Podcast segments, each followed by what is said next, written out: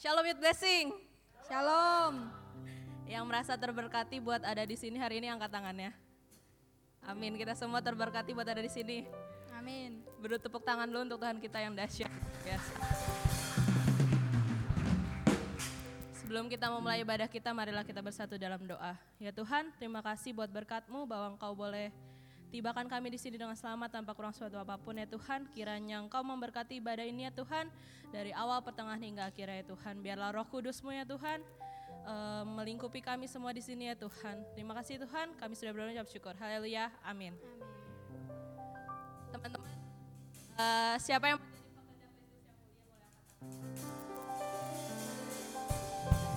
jadi pekerja Kristus yang mulia, mau jadi pekerja Kristus yang berimpact, amin. Amin. Kita angkat satu pujian, pekerja Kristus yang mulia.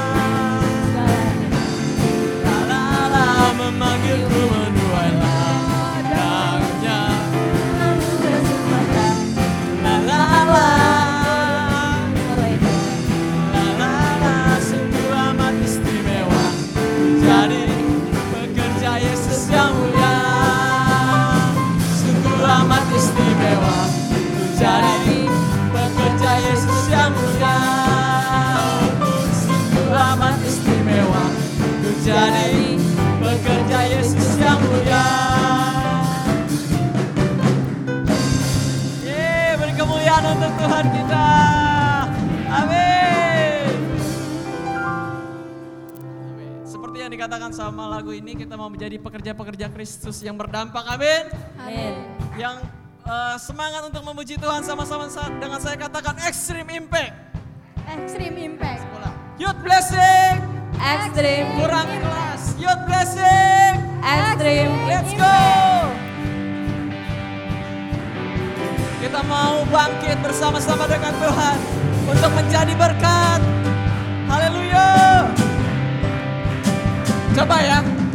Mau dengar dulu suaranya. Yang cowok dulu ya, ikuti saya. Bukan bangkit. Yuk cowok, one, two, one, two. Yeay, sekarang yang cewek ya. Harus lebih semangat.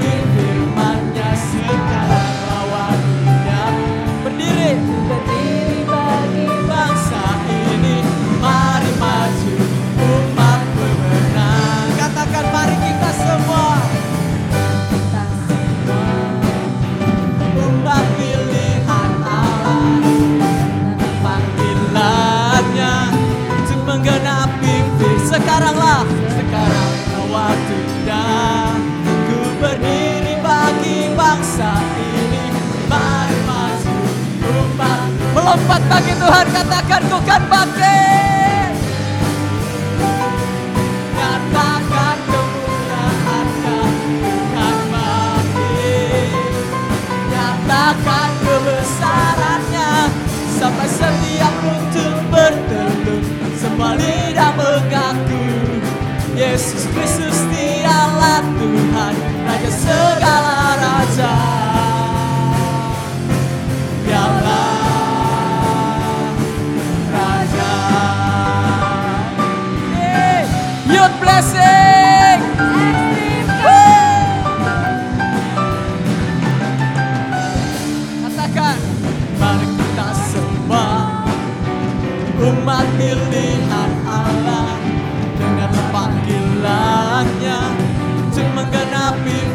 Sekarang, sekarang lawannya Ku berdiri bagi bangsa ini. Mari maju Umat pemenang. Bukan bangkit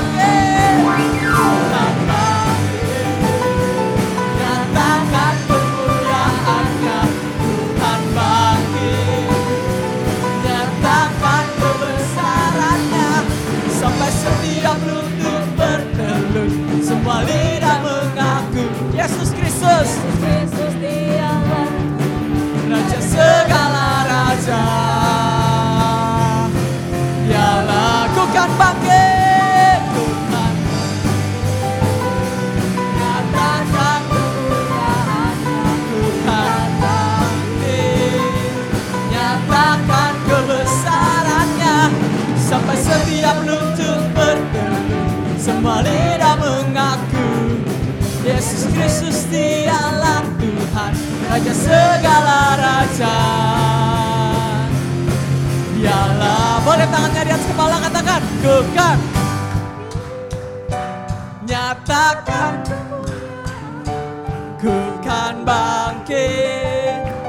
Nyatakan kebesarannya Sampai setiap lutut bertelut Semua lidah mengaku Yesus Kristus dialah Tuhan Raja segala raja. Dialah Musik memuji Tuhan Raja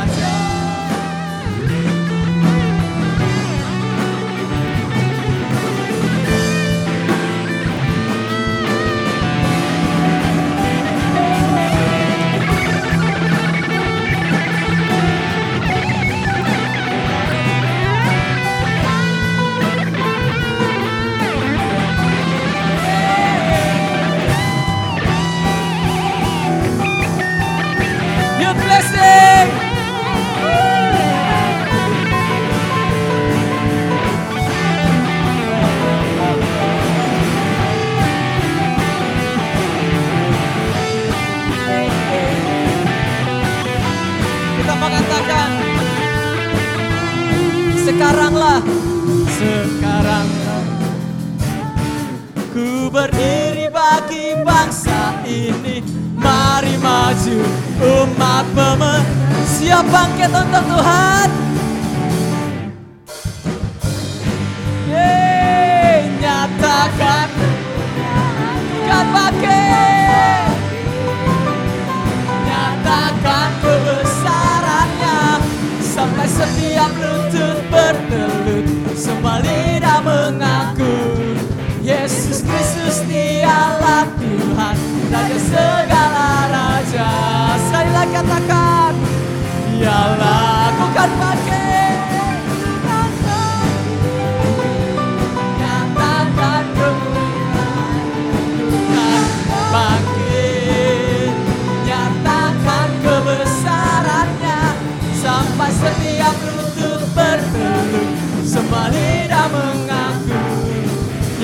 Yesus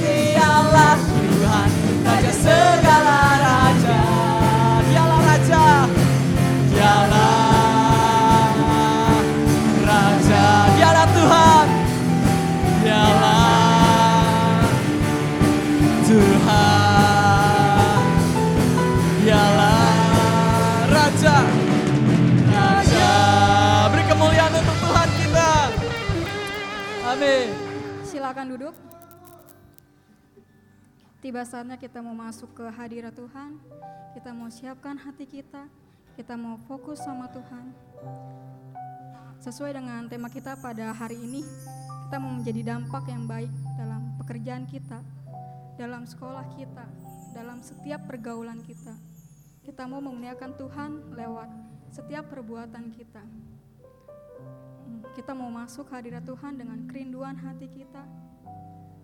Saya undang teman-teman untuk dapat bangkit berdiri kembali.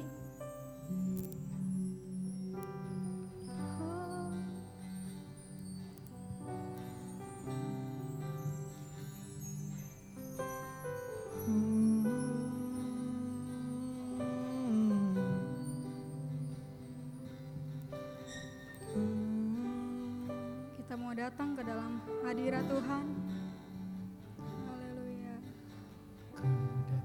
Ya Bapa dalam kerinduan.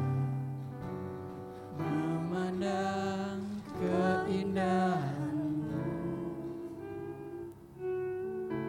Ku berikan segalanya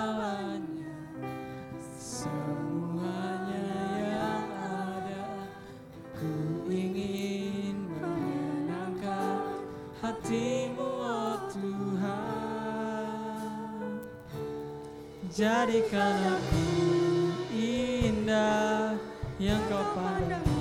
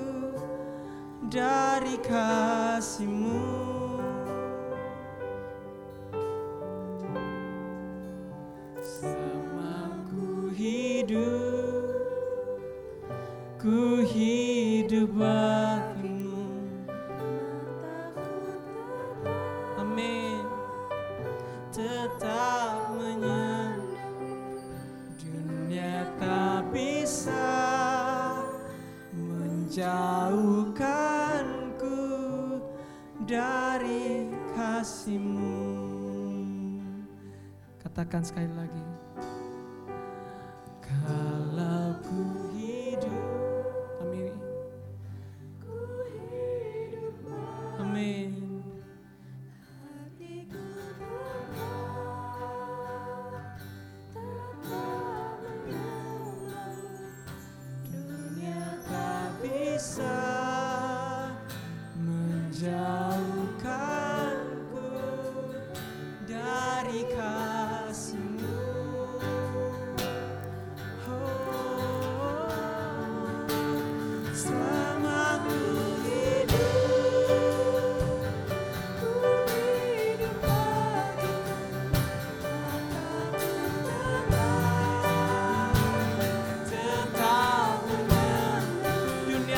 bisa menjauhkan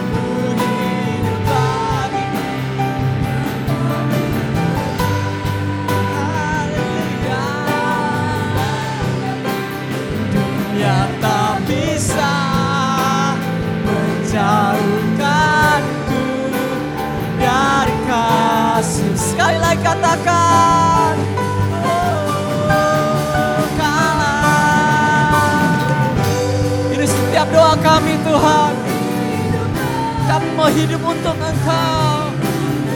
Hati kami tetap Tuhan. Kami tetap menyembahmu.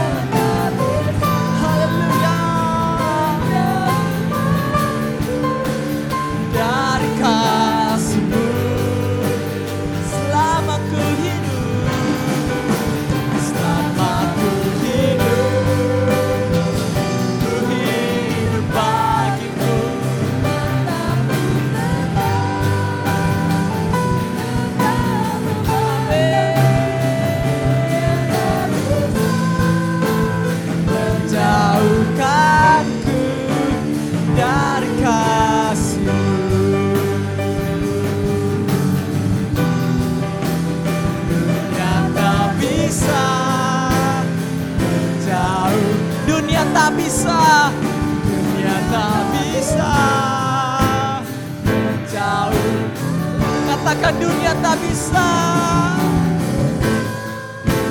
menjauhkanku dari kasihmu. Beri kemuliaan sorak-sorak yang paling meriah untuk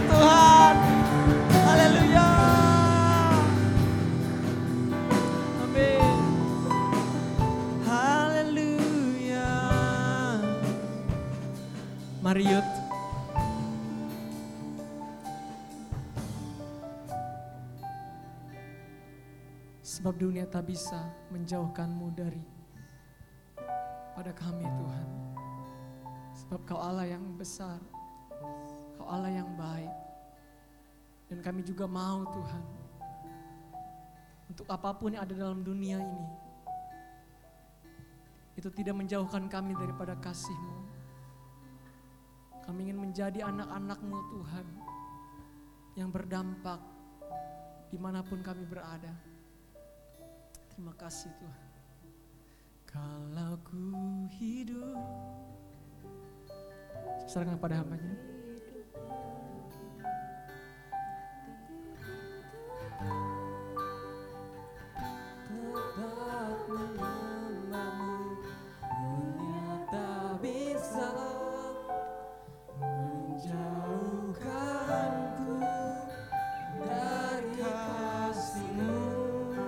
Dibutuhkan setiap hati yang mau mengaku kepada Tuhan untuk setiap kita mau berdampak. Teman-teman dibutuhkan setiap hati yang mau menyembah Tuhan, bersandar mengandalkan kekuatan Tuhan. Bagi setiap kita yang mau berdampak kepada kehidupan ini. Haleluya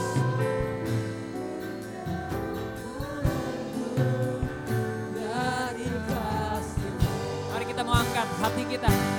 Mari angkat setiap kerinduanmu. Haleluya.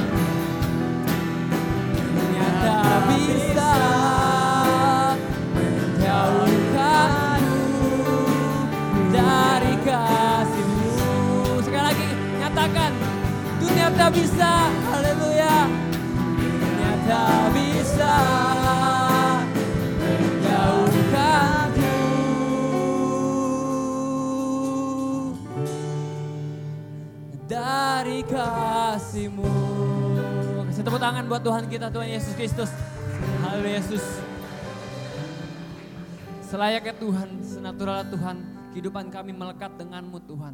Dan dunia Tuhan berupaya keras, berupaya sebagaimanapun tidak bisa memisahkan kami dari kasihmu Tuhan. Karena kasihmu Tuhan yang begitu luar biasa. Begitu menggenggam kami Tuhan. Begitu erat Tuhan kehidupan kami Tuhan. Karena engkau sekalipun tidak pernah meninggalkan kami. Tidak pernah membiarkan kami Tuhan. Ajar setiap kami Tuhan. Untuk terus melekat. Untuk terus bersandar. Terus intim kepada Yesus Kristus Tuhan. Yang menjadi panutan. Yang menjadi karakter hidup kami Tuhan. Agar setiap kehidupan kami Tuhan. Boleh menyenangkan Allah, menyenangkan Bapa. Menjadikan kehidupan kami sesuai dengan kehendak Allah. Di mana pun kami berada, kami mau kehidupan kami berdampak Tuhan. Tuhan hari ini kita mau belajar bersama-sama Tuhan. Kau bajak setiap hati kami Tuhan semuanya. Agar setiap kami dapat menerima firman Tuhan. Dan roh kudusmu yang akan melingkupi setiap kami Tuhan. Melingkupi hambamu Tuhan yang gak mampu ini Tuhan. Tetapi biarlah roh kudus berbicara, roh Allah berbicara pada setiap anak yud Tuhan. Agar setiap anak yud di tempat ini boleh berdampak Tuhan. Terima kasih Tuhan kami mau sambut kebenaran firman-Mu dengan hati yang penuh sukacita. Di dalam nama Tuhan Yesus, haleluya, amin. Silakan duduk teman-teman semuanya. Terima kasih teman-teman yang melayani. Boleh kasih tepuk tangan buat teman-teman kita yang sudah melayani praise and worship.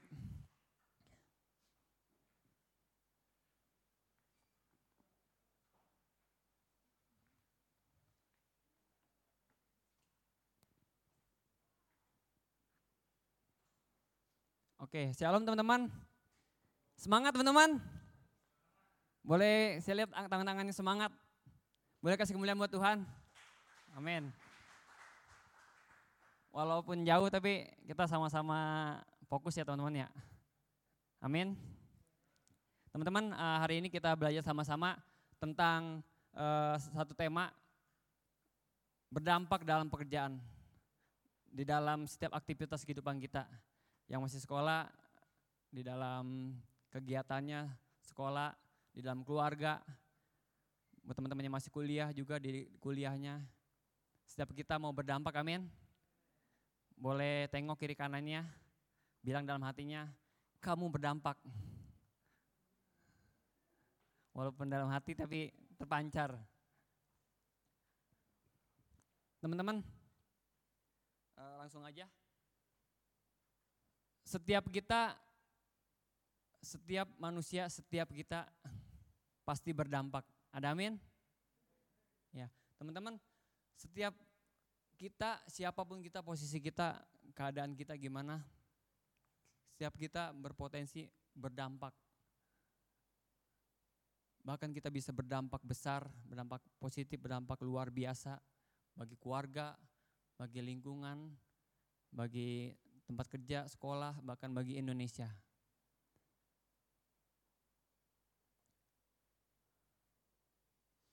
Nih, dari penulis uh, dari Indonesia namanya Primadona Angela 1976. Dia bilang gini, uh, sebisa mungkin pikirkan efek dari perbuatanmu. Gelenyar serapu kepakan sayap kupu-kupu bisa saja berdampak dahsyat bagi semesta. Wow, ini teman-teman, uh, kalau se seekor kupu-kupu itu aja ada dampaknya bagi semesta. Kalau setiap kupu-kupu udah nggak ada yang lagi terbang, ekosistem udah rusak, itu pasti akan berpengaruh sangat luar biasa. Tadi saya nonton satu video, teman-teman nanti bisa nonton juga di di medsos uh, dia yang post anak muda Kristen nanti bisa lihat. Di situ ada seorang anak muda, uh, dia lagi lagi kesel gitu, lagi kesel di di pinggiran di pinggiran pagar gitu. Terus ada semut nyata, semut menggangguin. Terus semut dia kesel, akhirnya dia marah-marah dia pindah.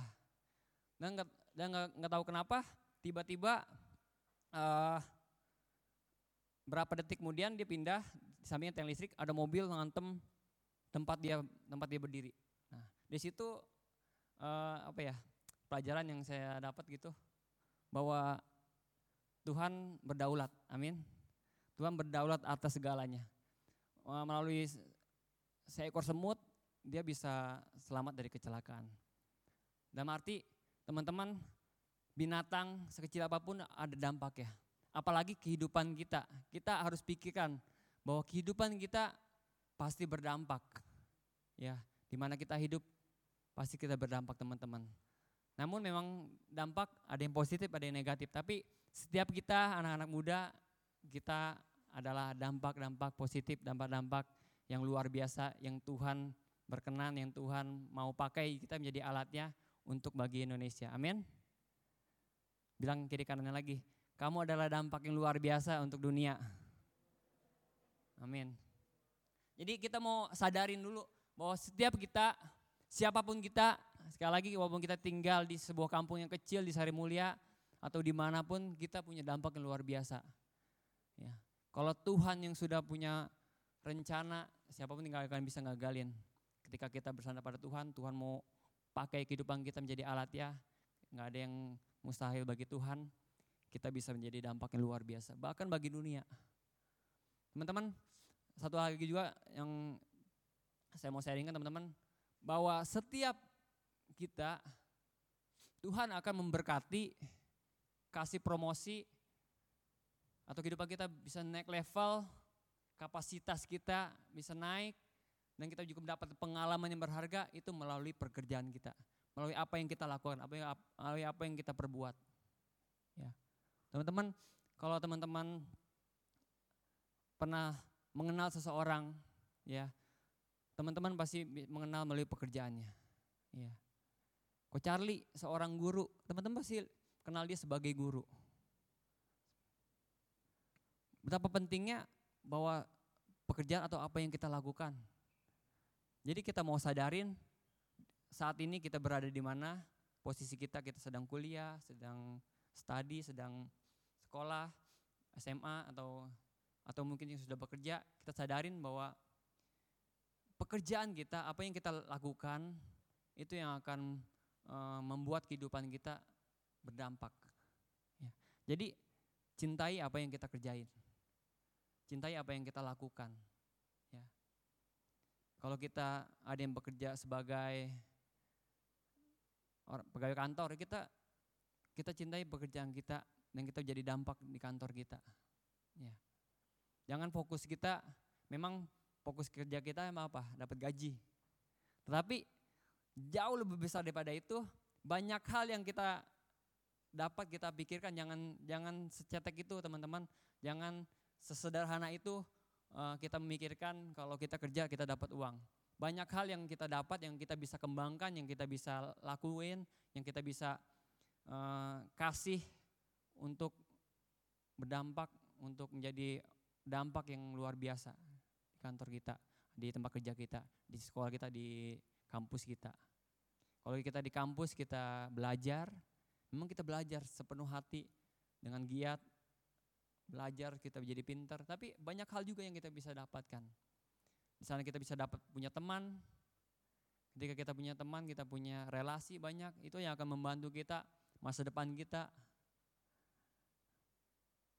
Di sana juga kita bisa bangun hubungan antar sesama, bagaimana kita memperkenalkan Kristen atau Kristus dalam kehidupan kita kepada teman-teman kita yang belum percaya.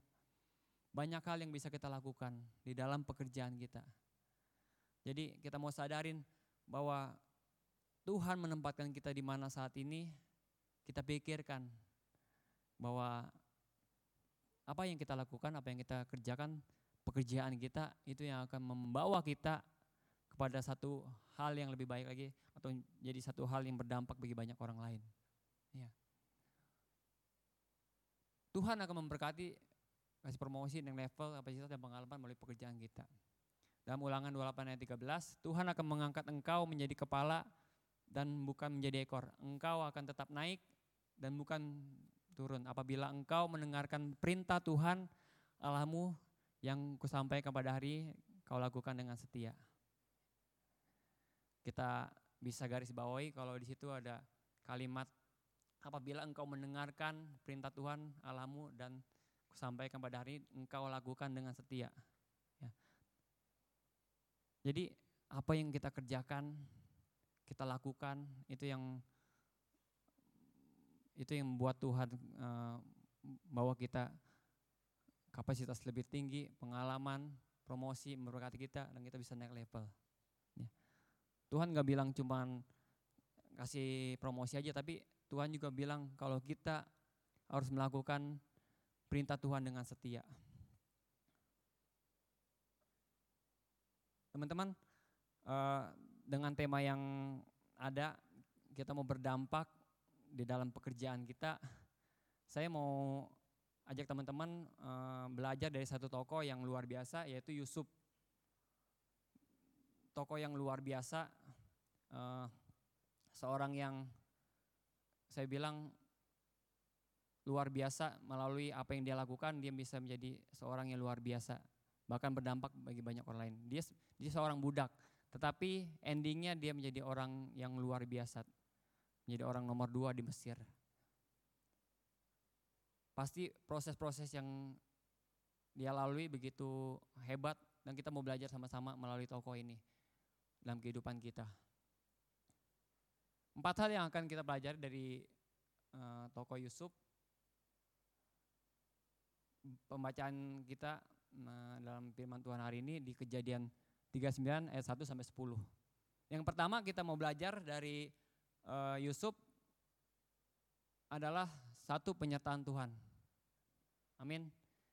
Dalam hari-hari ini kita bekerja kita mau tanya dalam diri kita apakah kita mengandalkan penyertaan Tuhan dalam setiap pekerjaan kita. Kita mau tanya dalam kehidupan kita. Apa pun pekerjaan kita, mungkin pekerjaan kita kecil, mendapatkan hasil yang kecil, jabatan cuman cuman seadanya, tapi apakah kita mengandalkan penyertaan Tuhan? Ya. Tuhan gak melihat jabatan, Tuhan gak melihat apa ya uh, siapa kita, tetapi Tuhan melihat siapa setiap uh, anak-anak Tuhan yang mengandalkan Tuhan, yang yang melihat penyertaan Tuhan dalam kehidupannya. Ya. Saya bilang gak ada yang mustahil ketika saat ini mungkin kita cuman karyawan biasa, tapi ketika kita mengandalkan Tuhan, penyertaan Tuhan seperti Yusuf, dia cuman seorang budak, bahkan dia dijual, bukan seorang yang apa-apa. Kalau dijual itu temannya, berarti dia dijual itu udah cuman diri doang. Dia nggak bawa apa-apa nggak nggak ada berkas nggak mungkin udah nggak punya keluarga segala macam. Dijual. Berarti dia udah sebatang kara. Tapi dia bisa jadi orang nomor dua. Kalau mungkin kita hari-hari ini kita masih kita masih punya identitas. Kita masih punya identitas. Kita belajar kita sekolah. Kita apa ya kita masih masih ada yang kita bawa tapi Yusuf itu dijual ya nggak ada yang yang dia bawa tapi dia bisa lewat proses yang luar biasa. Kita mau baca di ayat 1 sampai 3. Adapun Yusuf telah dibawa ke Mesir dan Potifar seorang Mesir, pegawai istana Firaun, kepala pengawal raja membeli dia dari tangan orang Ismail yang telah membawa dia ke situ. Tetapi Tuhan menyertai Yusuf sehingga dia menjadi seorang yang selalu berhasil dalam pekerjaannya. Maka tinggallah ia di rumah tuannya. Orang Mesir itu setelah dilihat oleh tuannya bahwa Yusuf disertai Tuhan, dan bahwa Tuhan membuat berhasil segala sesuatu yang dikerjakannya. Siapa Yusuf?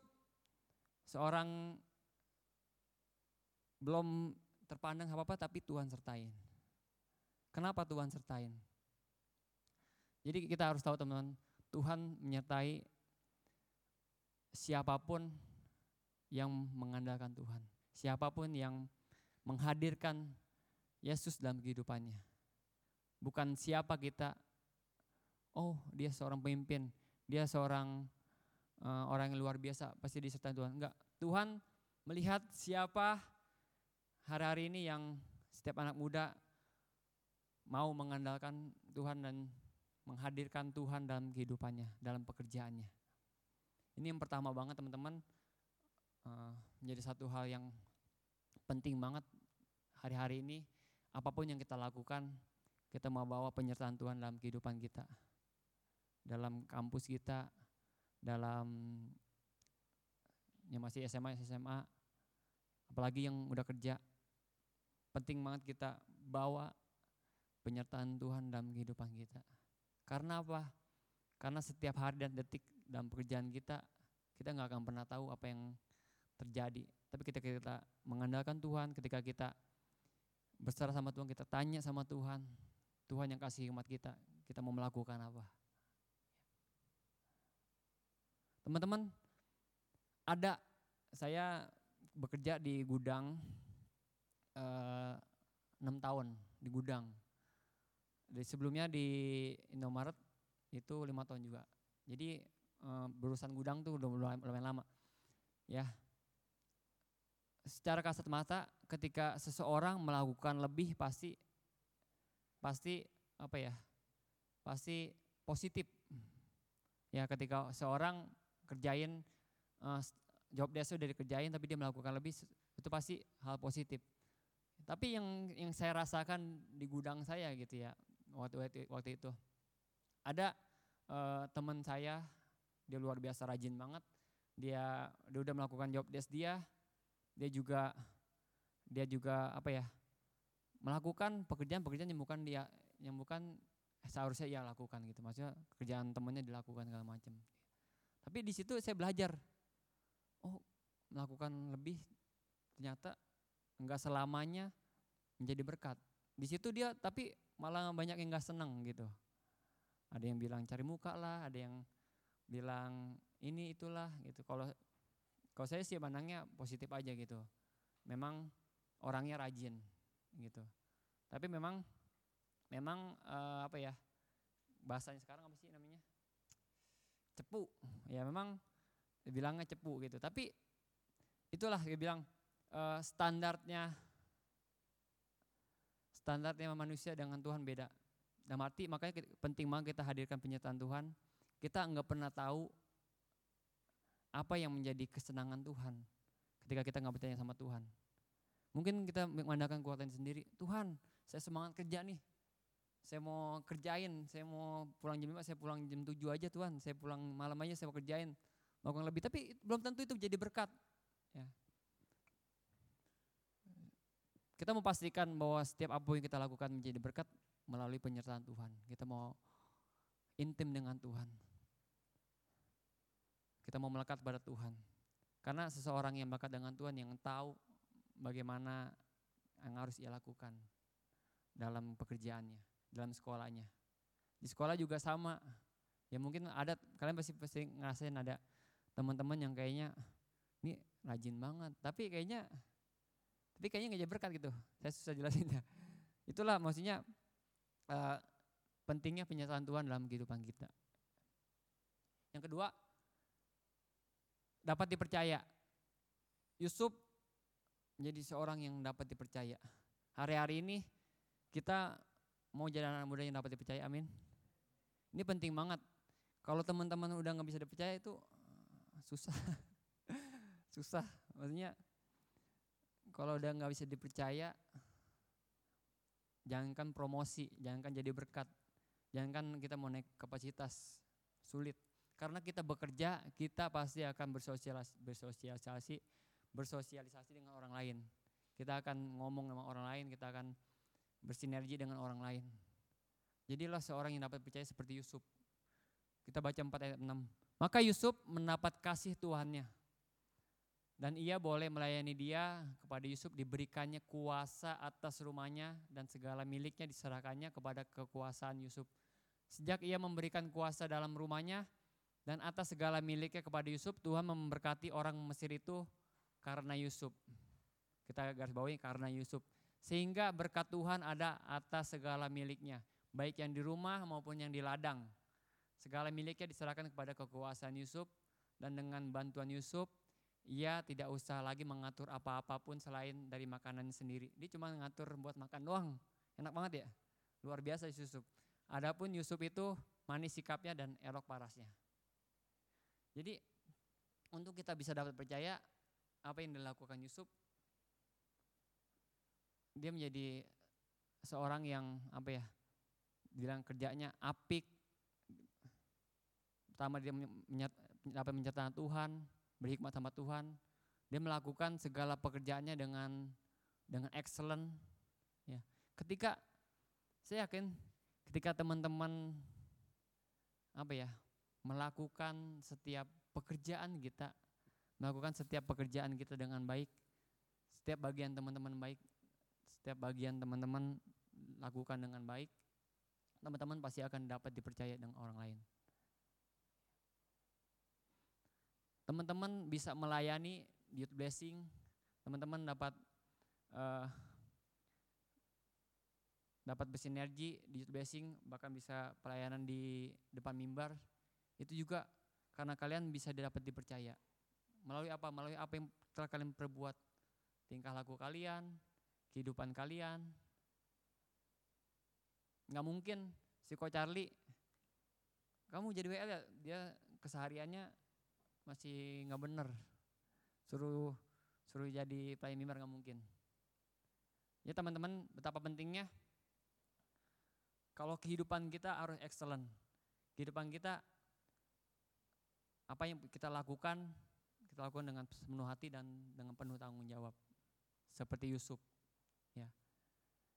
Dia lakukan saya bilang Yusuf lakukan sepenuh hati. Kita membaca lagi. Sehingga berkat Tuhan ada atas segala miliknya, baik yang di rumah maupun yang di ladang. Segala miliknya diserahkan kepada kekuasaan Yusuf. Ini percaya banget Tuhan yang sampai sama Yusuf. Dan dengan bantuan Yusuf, ia tidak usah mengatur lagi apa-apa selain dari makanan sendiri. Yusuf berarti kerjanya luar biasa banget. Saya bilang sampai bosnya, sampai tuannya, sampai percaya banget. Ya, ketika uh, kita melakukan pekerjaan kita dengan sepenuh hati, saya yakin bukan hanya atasan kita, teman-teman kita, semua juga akan dapat berkat dari kalian, akan menjadi apa ya, menjadi teladan. Teman-teman sadarin juga, tadi kita udah baca juga sama-sama di dunia ini ada dua dampak, dampak positif dan negatif. Ketika kita nggak jadi dampak yang positif, kita akan jadi dampak yang negatif. Ketika teman-teman males kerja, bolos, terus kesuka kesiangan, kalian bukan jadi dampak positif tapi jadi jadi toksik buat yang lain.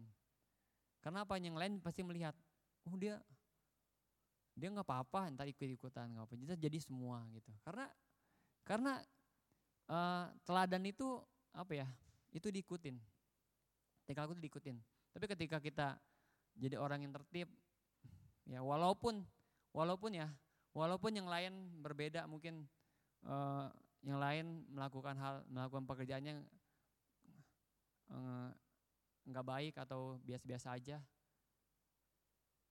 tapi kita mau lakukan yang sesuai dengan kehendak Tuhan karena di situlah perbedaannya karena perbedaan yang akan sangat gampang dilihat oleh uh, teman-teman kerja kita, oleh atasan kita. Ya. Ketika semuanya misalnya suka kesiangan kerjanya, terus kalian juga ikutin kesiangan, nggak ada perbedaan, nggak ada yang bisa dilihat. Tapi ketika kita semua uh, melakukan pekerjaan biasa aja, tapi kalian melakukan dengan luar biasa, kalian menjadi menjadi satu mutiara di di butiran debu. Karena berbeda, kelihatannya silau gitu. Kita mau jadi seorang yang dapat dipercaya. Ini penting banget teman-teman, kita harus jadi seorang pemuda yang dapat dipercaya. Yang ketiga kita mau belajar dari Yusuf, menjadi berkat. Amin. Kita mau jadi berkat, amin. Di mana kehadiran kita ditunggu-tunggu. Kehadiran kita menjadi apa ya? satu kesenangan bagi orang lain, bagi bos kita, bagi keluarga kita apalagi. Kayaknya kalau orang tua kita kalau kita pulang tuh kayaknya kayak kayak nggak ketemu berapa bulan gitu kayak senang banget. Kita harus kayak gitu teman-teman. Di lingkungan juga sama. Jadi seorang yang ditunggu-tunggu, jadi seorang yang jadi berkat. Jadi berkat ini dapat dirasakan bagi banyak orang lain. Kita baca di ayat 5 yang 6. Sejak ia memberikan kuasa dalam rumahnya dan atas segala miliknya kepada Yusuf, Tuhan memberkati orang Mesir itu. Karena Yusuf sehingga berkat Tuhan ada atas segala miliknya, baik yang di rumah maupun yang di ladang, segala miliknya diserahkan kepada kekuasaan Yusuf dan dengan bantuan Yusuf ia tidak usah lagi mengatur apa-apa selain makannya sendiri. Adapun Yusuf itu manis sikapnya dan elok parasnya. Luar biasa banget di mana ada Yusuf, di situ ada berkat. Kita juga mau sama. Ya. Di mana ada kita, keluarga kita diberkati. Tempat kerja kita diberkati. Lingkungan komunitas kita diberkati, lingkungan gambung kita berkat, diberkati.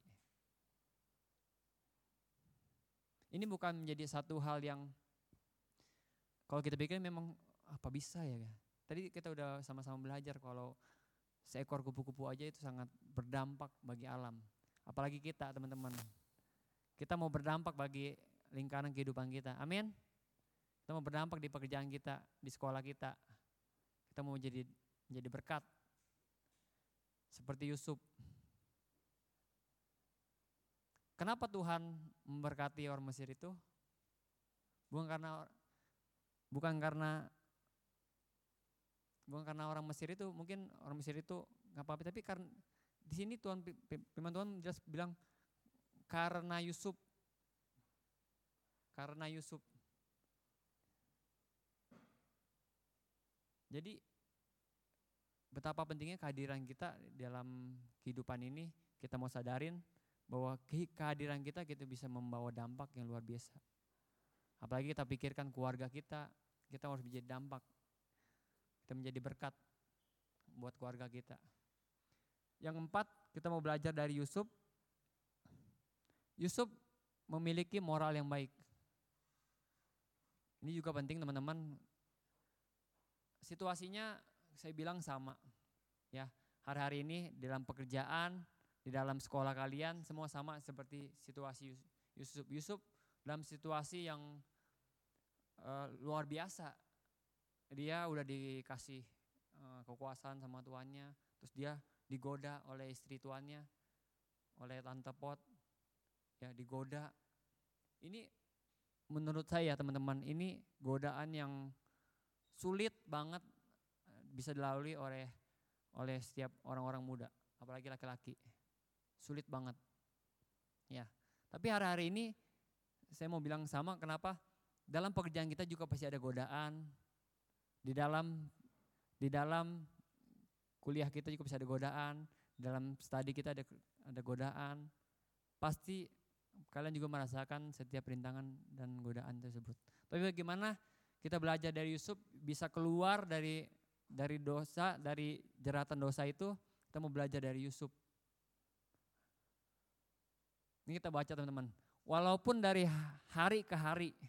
Jadi itu bukan sekali doang, bukan bukan momen bukan momen doang gitu, bukan momen wah momen nih. Bukan, tapi dari hari ke hari dibujuk terus gitu. Dari hari ke hari perempuan itu membujuk Yusuf.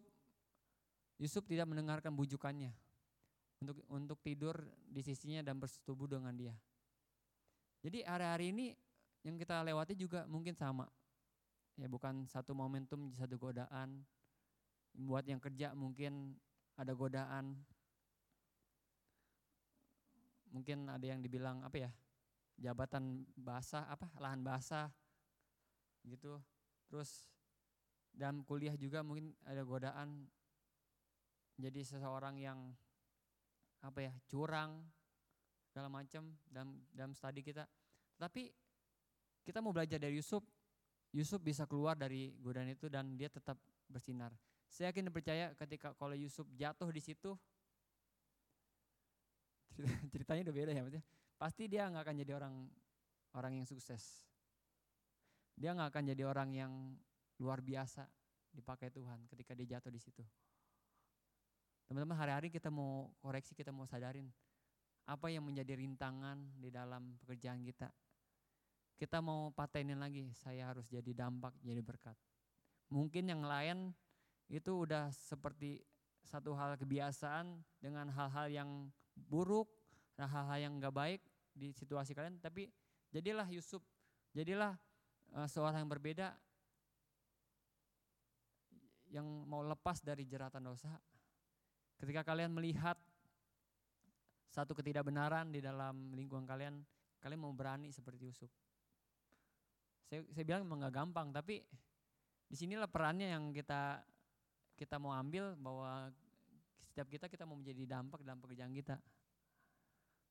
Karena sekali lagi masa depan kita Tuhan yang akan merencanakan ketika kita taat sama Tuhan. Ya. Mungkin kita nggak tahu yang kita lakukan mesti ah gue lakuin ini, tapi kita mau jadi apa? Tapi tu, Tuhan itu berdaulat. Tuhan akan kasih satu yang luar biasa ketika ketika Tuhan melihat Yusuf-Yusuf yang yang baru di youth blessing ini. Memiliki moral yang baik, ini penting banget ketika kehidupan kita dalam pekerjaan kita, dalam lingkungan sekolah kita, kita memiliki moral yang baik. Bicara dampak, bicara juga tentang karakter.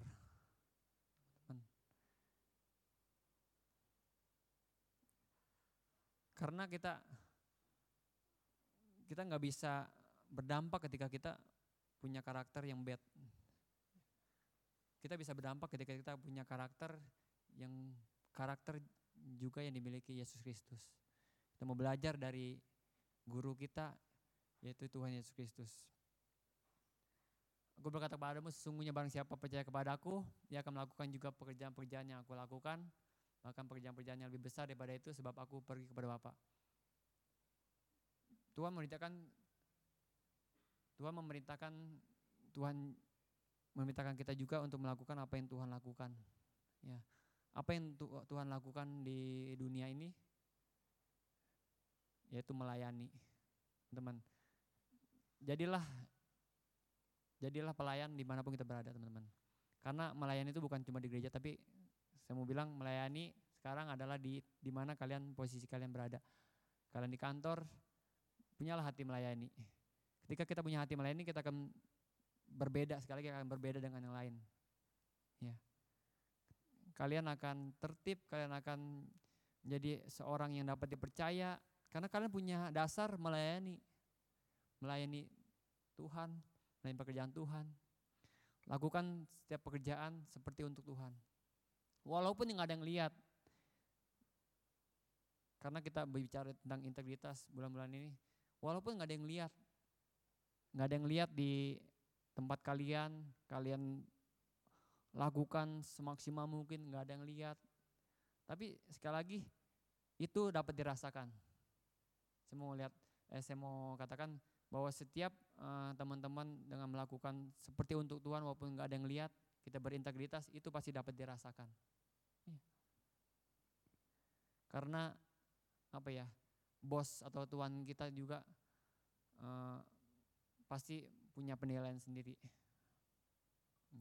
Dia akan melihat setiap karyawan-karyawan yang baik, yang karyawan yang bagus, yang akan dipakainya.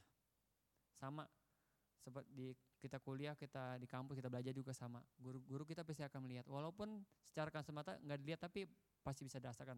Makanya kita penting banget kita berintegritas, kita mau lakukan apa yang menjadi uh, perintah Tuhan yaitu kita mau melakukan segala pekerjaan kita dengan hati melayani. Nah, teman-teman, dari dari dari toko Yusuf kita belajar uh, di bagaimana kita berdampak dalam pekerjaan dan kita juga mau belajar dari uh, dua hal yang udah nggak asing lagi dalam kekristenan yaitu menjadi garam dan terang. Kenapa? Penting banget dalam kehidupan kita menjadi garam dan terang. Kita yang pertama, eh,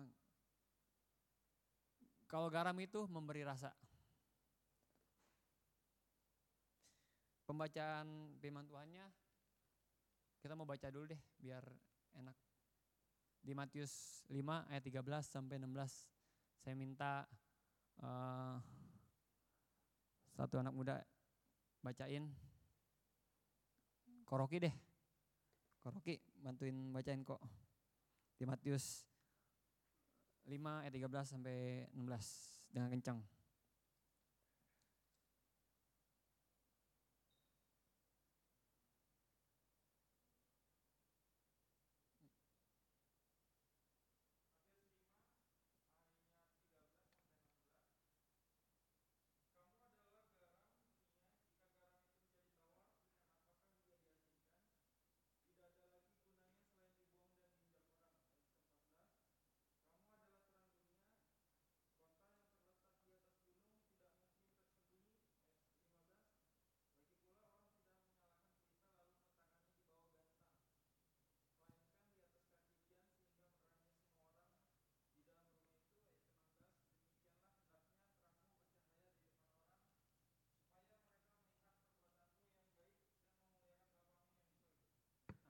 Terima kasih Koroki. Ada amin teman-teman? Kita harus jadi garam dan terang dunia. Nah, kita mau pakai di dalam pekerjaan kita. Ya. Yang pertama, sifat garam itu memberi rasa, teman-teman. Di mana kehadiran kita sekali lagi kita kita mau kasih rasa. Kita mau kasih rasa yang bagi bagi yang lain. Karena di mana kehadiran kita, di mana kita ditempatkan di kuliah atau di mana pun, sekali lagi kita kita kasih rasa. Rasa seperti apa? Yaitu rasanya dengan penuh dampak, penuh dengan uh, hati mau melayani, berbeda dengan lain. Seperti garam. Kita mau jadi pribadi-pribadi yang berbeda dengan yang lain, tapi kita mau jadi pribadi-pribadi yang melakukan pekerjaan kita sekali lagi dengan sepenuh hati, seperti untuk Tuhan, kita melakukan pekerjaan kita dengan luar biasa sesuai dengan kehendak Tuhan. Ya. Sifat yang kedua, garam untuk dia dapat memberi rasa dia melebur. Ini berbicara tentang pengorbanan teman-teman. Memang ketika kita menjadi dampak bukan bukan arti kita nggak harus bayar harga, kita nggak ada pengorbanan. Pasti ada pengorbanan yang kita lakuin. Mungkin air mata juga kita bisa tercucurkan, rasa sakit mungkin. Tetapi apa sekali lagi yang jadi tujuan kita, kita mau jadi dampak dalam pekerjaan kita, dalam apa pun yang kita lakukan. Kita mau bayar harga, kita mau apa ya mau berkorban, ya. Pasti emang ada satu hal yang lebih. Kita mau loyalitas, kita mau melakukan sesuatu yang lebih, itu pasti ada pengorbanan. Kita mau melebur, bicara tentang pengorbanan.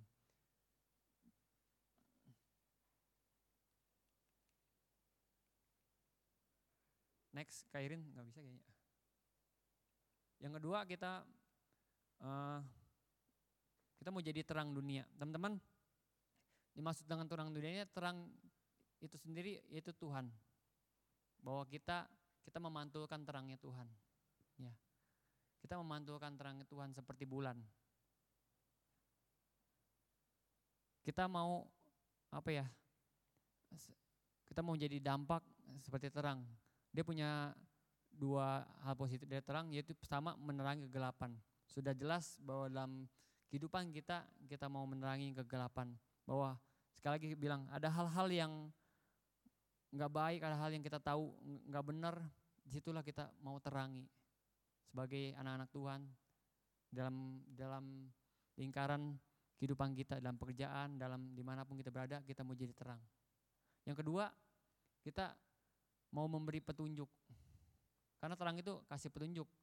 Buat seseorang, dia tahu di kanannya ada apa, di kirinya ada apa, depannya ada apa, di belakangnya ada apa. Ketika terang itu ada. Kita mau jadi terang.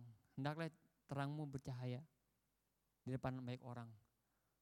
Jadi setiap kehadiran kita menjadi dampak bagi orang lain sehingga orang lain juga dapat melihat posisi dia. Dia tahu mana yang harus, harus dia tuju. Kita kasih arah, yaitu arah keselamatan, arah percaya kepada Yesus Kristus. Sekali kita walaupun kita bekerja, memang kita uh, tujuannya buat dapat gaji, tapi di situ juga adalah ladang untuk kita melayani, untuk kita dapat menyebarkan uh, kasih Tuhan, kita menyebarkan amanat agung untuk setiap orang bisa percaya kepada Tuhan. Kata teman, bukan satu dua tapi banyak setiap orang yang berhasil, orang yang percaya pada Tuhan itu bukan bukan dari dengar khotbah tapi melalui kehidupan sehari-hari. Makanya penting banget bahwa kehidupan kita harus berdampak di mana pun kita bekerja, apa di dalam pekerjaan kita. Jika kau tahu Tuhan yang memiliki segalanya, bekerjalah sesuai dengan cara Tuhan. Sukses itu dinilai dari seberapa berartinya proses memberikan dampak positif bagi seseorang. Teman-teman, jadi ketika kita sukses, teman-teman, yang dinilai itu bukan bukan hartanya, bukan bukan kayak youtuber sekarang gitu. Nilai itu punya berapa banyak mobil, bukan punya rumah mewah, tapi nilai itu bagaimana kita berdampak positif bagi banyak orang. Itu yang disebut dengan kesuksesan, teman-teman. Sampai di sini teman-teman, uh, firman Tuhan. Uh, saya undang tim musik mendapat maju. Teman-teman, sekali lagi kita kita nggak bisa bercahaya sendiri, tapi kita bisa memantulkan cahaya Tuhan. Ketika kita mau melakukan apa yang menjadi perintah Tuhan, apa yang kita mau lakukan sesuai dengan kehendak Tuhan, apa yang menjadi kerinduannya Tuhan kita melakukan dalam kehidupan kita. Kita memantulkan cahaya Tuhan. Ketika kehidupan kita berguna, ketika kehidupan kita memberi arti, ketika kehidupan kita membawa dampak positif bagi banyak orang lain, di situlah terangmu sedang bercahaya. Di situlah kamu sedang memberi rasa. Saya teman-teman untuk bagi berdiri.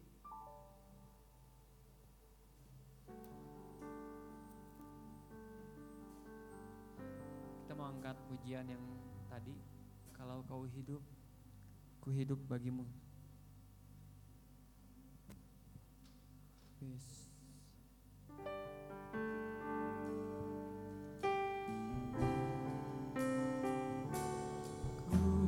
Hidup,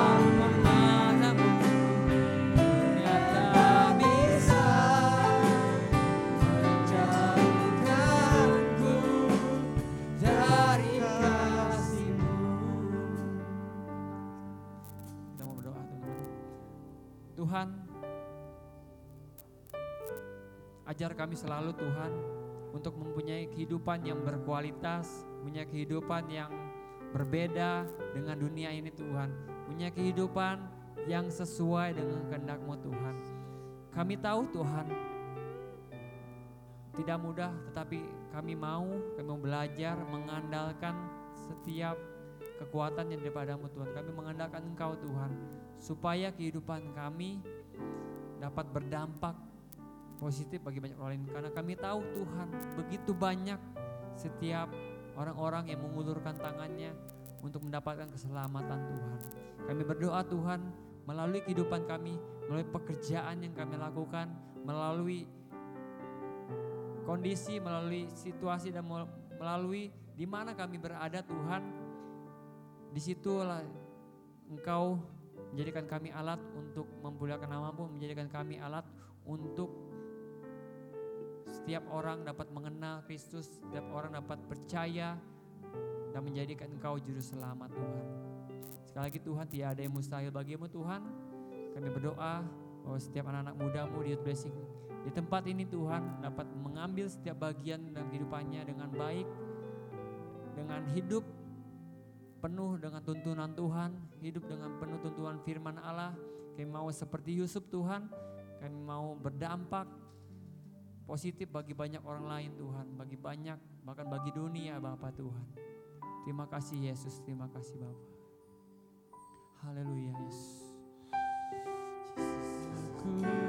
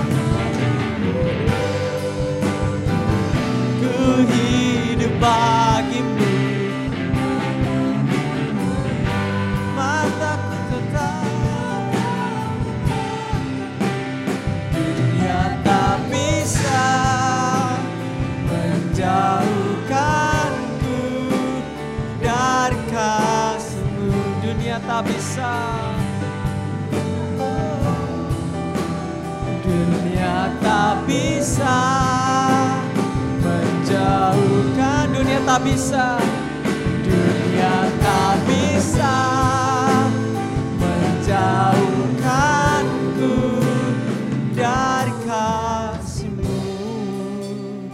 Kami mengucap syukur Tuhan buat firman Tuhan yang sudah ditaburkan. Kiranya firman itu dapat jatuh di tanah hati kami yang subur dapat bertumbuh berakar dan menghasilkan buah sehingga kami bisa ekstrim impact Tuhan, kami bisa berdampak besar di tengah-tengah lingkungan di mana kami tinggal di sekolah kami, di tempat di mana kami bekerja, bahkan di lingkungan rumah kami sekalipun kami bisa menjadi orang yang berdampak.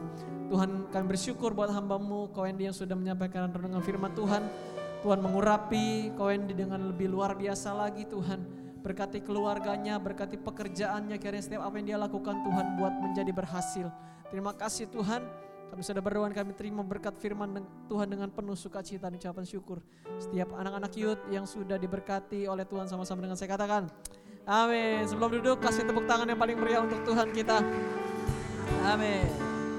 Silakan duduk. Oke, saya akan membacakan beberapa pengumuman. Yang pertama itu uh, untuk penatalayan. Nah, penatalayan minggu yang akan datang Oke, itu tanggal 8, tanggal 8 November. WL-nya Kwendi. Nanti singersnya Ira dan Rocky. Musiknya Rere, Kevin, Andres Johnson, Yosua. Yos ya. Multimedianya Kode Free, soundman-nya Supri, Asyir dan Satgasnya Dwi dan Denis. Lalu subtemanya itu kreatif dan inovatif, nama ibadahnya Limitless, Nah pembicaranya itu saya sendiri. Nah saya ada satu challenge, ini saya, saya belum ngobrol-ngobrol nih sama seksi ibadah, mohon maaf. Nanti saya akan uh, challenge dari sekarang, nanti saya pas firman akan ada sesi sedikit, boleh ditampilin Rin. Ya, tema kita itu minggu depan kan limitless. Nah saya challenge teman-teman untuk bikin poster, bikin poster buat posting di IG. Nah, nanti teman-teman post post di IG, tapi nggak boleh nggak boleh ngambil langsung ya. Nanti search di Google gitu, limitless. Apa yang muncul langsung di post. Jangan bikin sendiri. Bisa kan? Bisa lah sekarang anak-anak zaman sekarang udah canggih. Bisa bikin pakai apa? Wah, Canva terus apa lagi? PixArt, apa lagi? Photoshop. Ini berat nih. Terserah mau desainnya seperti apa, desainnya seperti apa terserah teman-teman, bebas Ya, jadi teman-teman e, desain temanya itu limitless. Harus ada kata-kata limitless. Nah, ini kan let's do it. Nah, itu nanti teman-teman kata-katanya limitless. Tapi jangan kayak gini juga ininya desainnya ya harus berbeda. Harus di, desain yang original punya teman-teman sendiri. Nah, itu nanti e, saya minta izin ini e, yang megang IG Youth ya?